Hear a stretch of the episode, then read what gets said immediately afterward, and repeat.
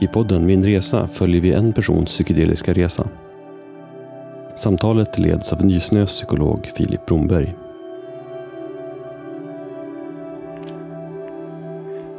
Välkommen till podden Min Resa. Tack så mycket. Jätteroligt att ha dig här. Hur, hur känns det just nu? Um, lite nervöst. Det känns som jag har mycket tankar så här. Vad ska jag säga och hur ska man få fram det här på ett bra sätt? Och, ja. Lite så. Mm. Du har en, eh, en eh, omvälvande och, och, och personlig berättelse att dela.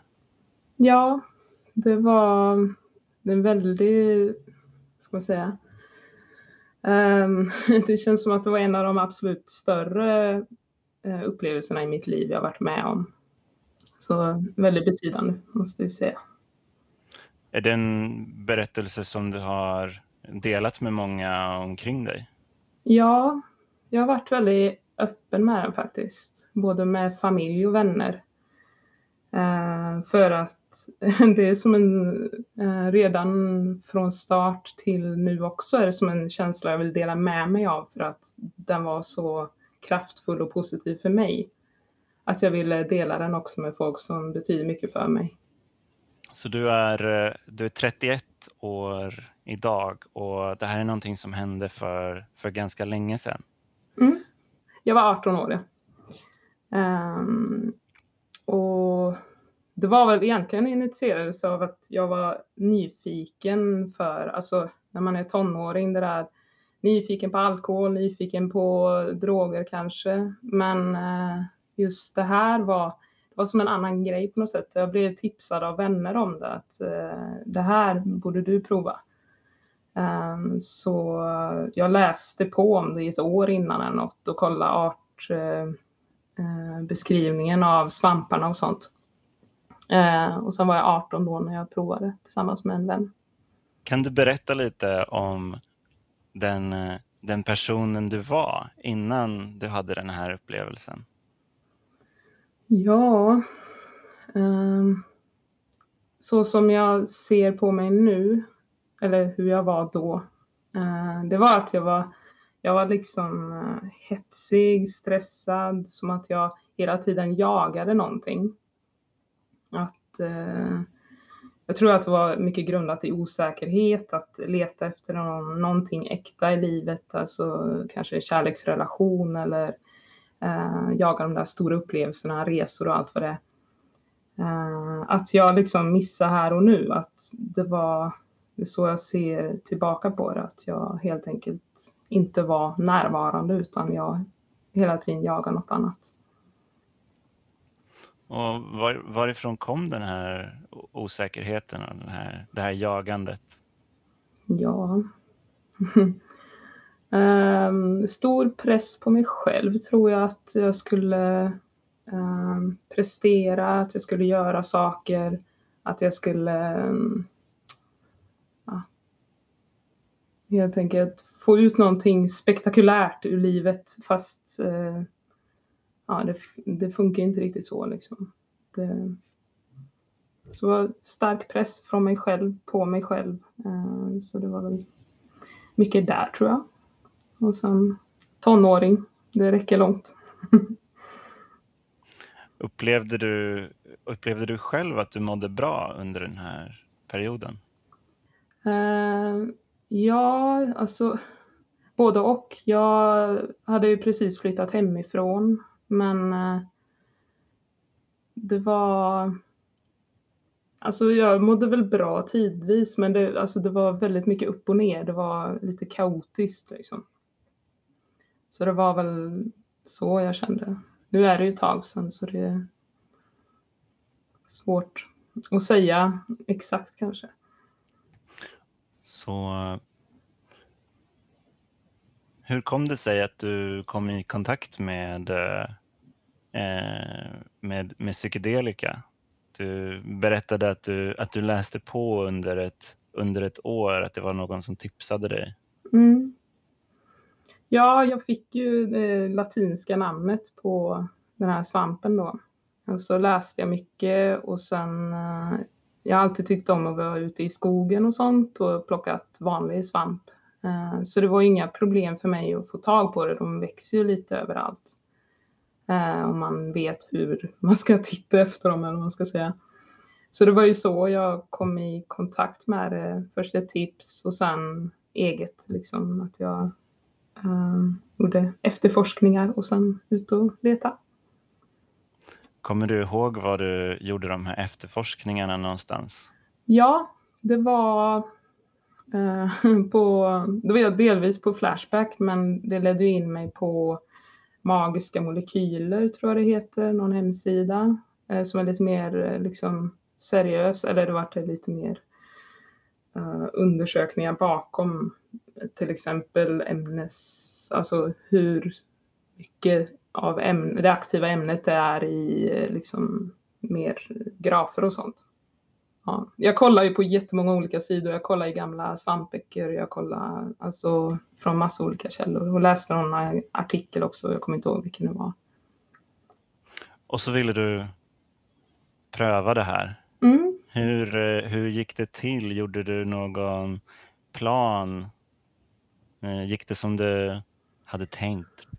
Alltså det var både och för att det var som att jag hade förberett mig så länge på den här eh, att få uppleva det. Eh, och en drivkraft var nog eh, att jag tycker så mycket om eh, alltså, konst, skönhet i natur och allt sånt och att jag hade hört om hur vackert det kunde bli. Att jag var ute efter en visuell, jag tycker om att rita och grejer. Så det var liksom en drivkraft i det också. Men det som liksom, när det hände om man säger, det var att jag och en kompis hittade väldigt många.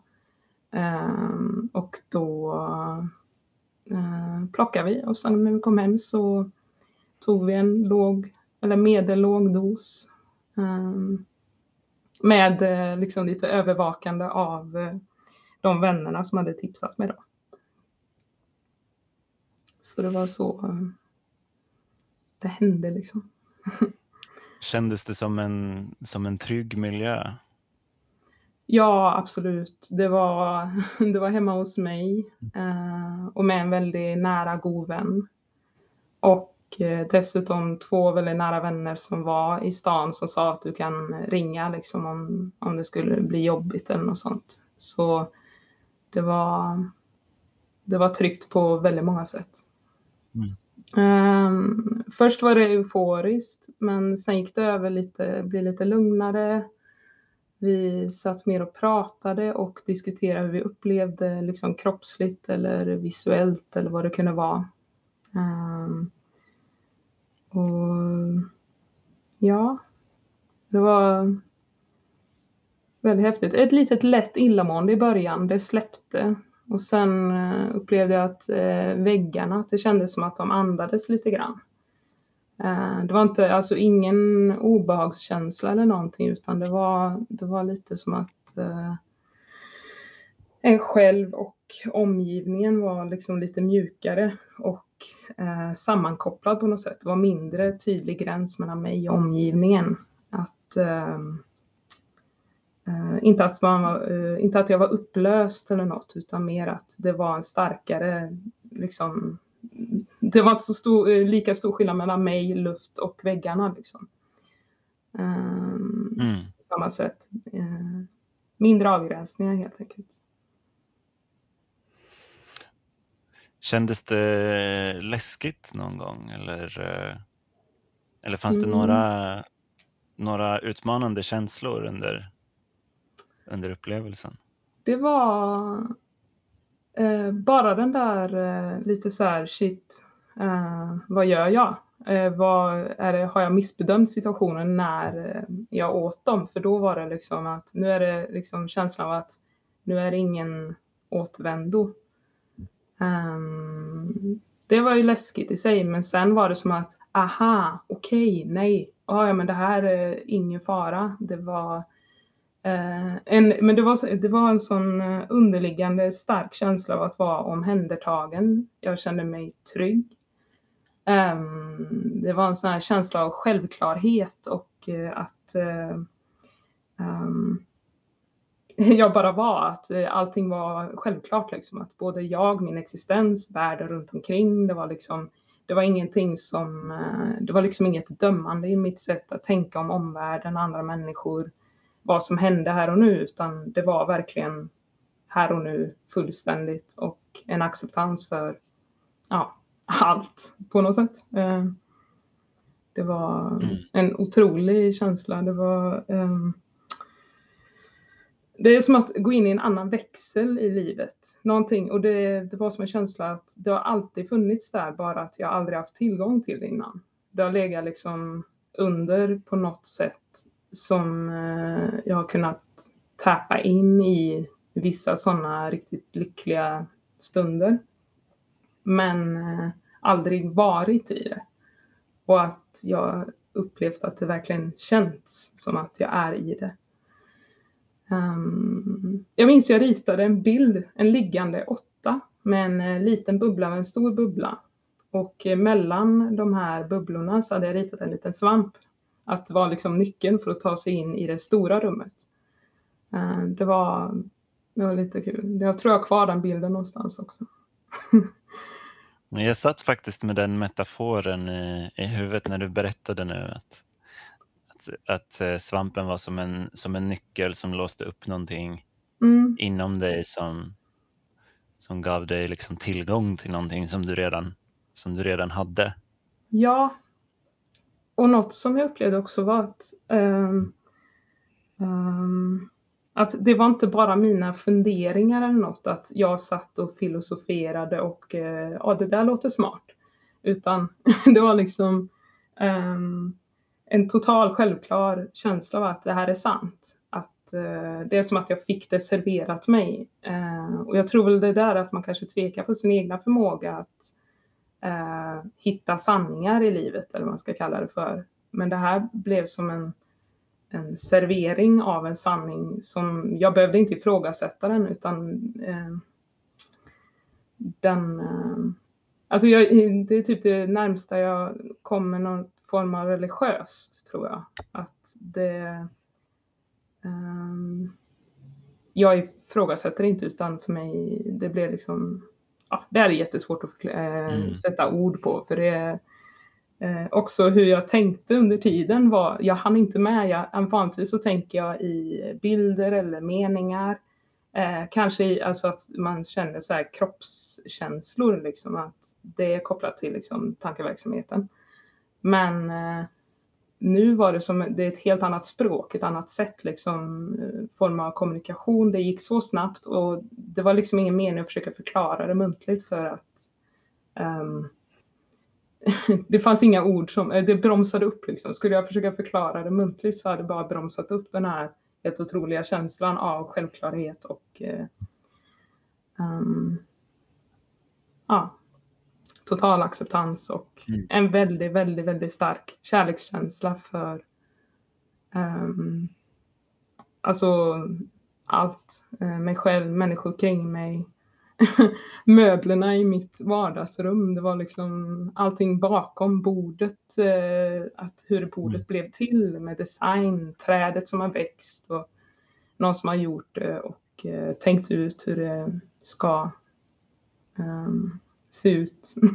och dess funktion att jag behöver det här bordet för att hålla mina grejer uppe. Alltså, så här, som kan tyckas löjliga grejer blev liksom väldigt eh, betydelsefulla och eh, eh, ja, en kärlek till det helt enkelt. Du berör eh, flera aspekter av det, av det som brukar kallas för en, en, en mystisk upplevelse och som, som man också eh, mäter i i, i forskningsstudier. Det du berättar om att få ta del av en, av en sanning eller att få någonting serveras brukar kallas för noetic quality. Okej. Okay. Eh, och du benämner också det här med att det, att det känns som att det går inte att sätta ord på. Eh, vilket också är en, en sån där typisk eh, sak som, som eh, folk berättar om i, i forskningsstudier. Ja, det är verkligen svårt och det känns som man gör det inte rättvisa genom att försöka sätta ord på det. För det det är väl därför jag så här, propagerat för vänner och familj att pröva det själva för att jag kan inte förklara det liksom. Det bara...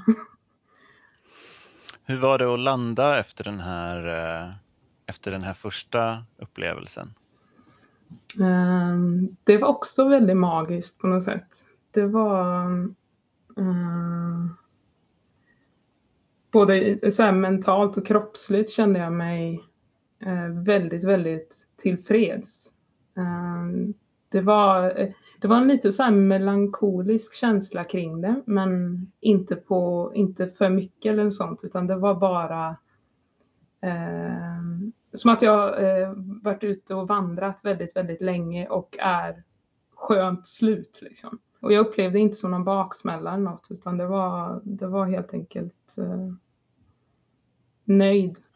Man brukar ju prata om det här eh, kluriga begreppet integration av, eh, av psykedeliska upplevelser.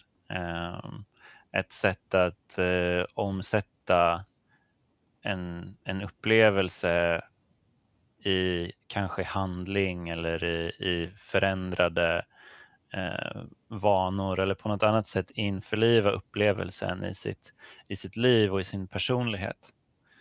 Eh, hur upplever du att den processen har varit för dig? Det, det är så häftigt för att det, det, alltså den där första gången påverkar mig väldigt mycket fortfarande. Eh, jag minns också, det var månader efteråt som jag, eh, jag drack inte alkohol för att jag tyckte det var så meningslöst för det tog bort så mycket av eh, eh, saker jag ville uppleva, alltså rent mentalt. Det där eh, eh, och det var som att jag också behövde fundera på allt jag varit med om. Jag behövde verkligen smälta det och låta, låta det ta den tiden. Um, och sen um, jag märkte att jag tog det lugnare jag hade lättare för att se skönhet i saker och verkligen titta på, alltså innan visst jag gick runt i skogen och tyckte det var så här, åh vad fint, men nu var det som att jag tog mig tid att verkligen titta mer detaljerat på saker och kunde liksom njuta av det på ett annat sätt. Ehm, jag ehm, kom ihåg att jag tänkte att jag rörde mig långsammare, att jag alltid har sprungit runt och alltid hade blåmärken för att jag sprang in i saker och ja, hade för bråttom. Eh, rörde mig långsammare och eh, var mycket, mycket mer närvarande. Och det fina är nu att jag kan minnas tillbaka på den känslan och liksom så här eh, nästan plantera den i kroppen nu. Liksom. Att okej, okay, jag behöver inte liksom ta svamp igen så för att uppleva det utan jag tänker tillbaka på det och liksom då är det som att det, typ det väcks någonting redan där för jag vet hur jag ska känna, jag vet hur jag ska jag behöver bara tänka på det så är det liksom ja, eh, aktivt här och nu. Um, och det tror jag hjälpt mig väldigt mycket med att inte, med andra människor och sånt, att inte vara fördömande eller att alla, ja men eh, compassion, alltså medkänsla med människor blev väldigt, väldigt mycket lättare efteråt. Mm. En fin berättelse. Mm. Ett stort eh, tack eh, till dig för att du eh, eh delar med dig av, av, de här, eh, av den här personliga berättelsen. Ja, tack själv för att jag fick vara med. Podden produceras av företaget Nysnö. Läs mer om oss och vår verksamhet på www.nysnö.se.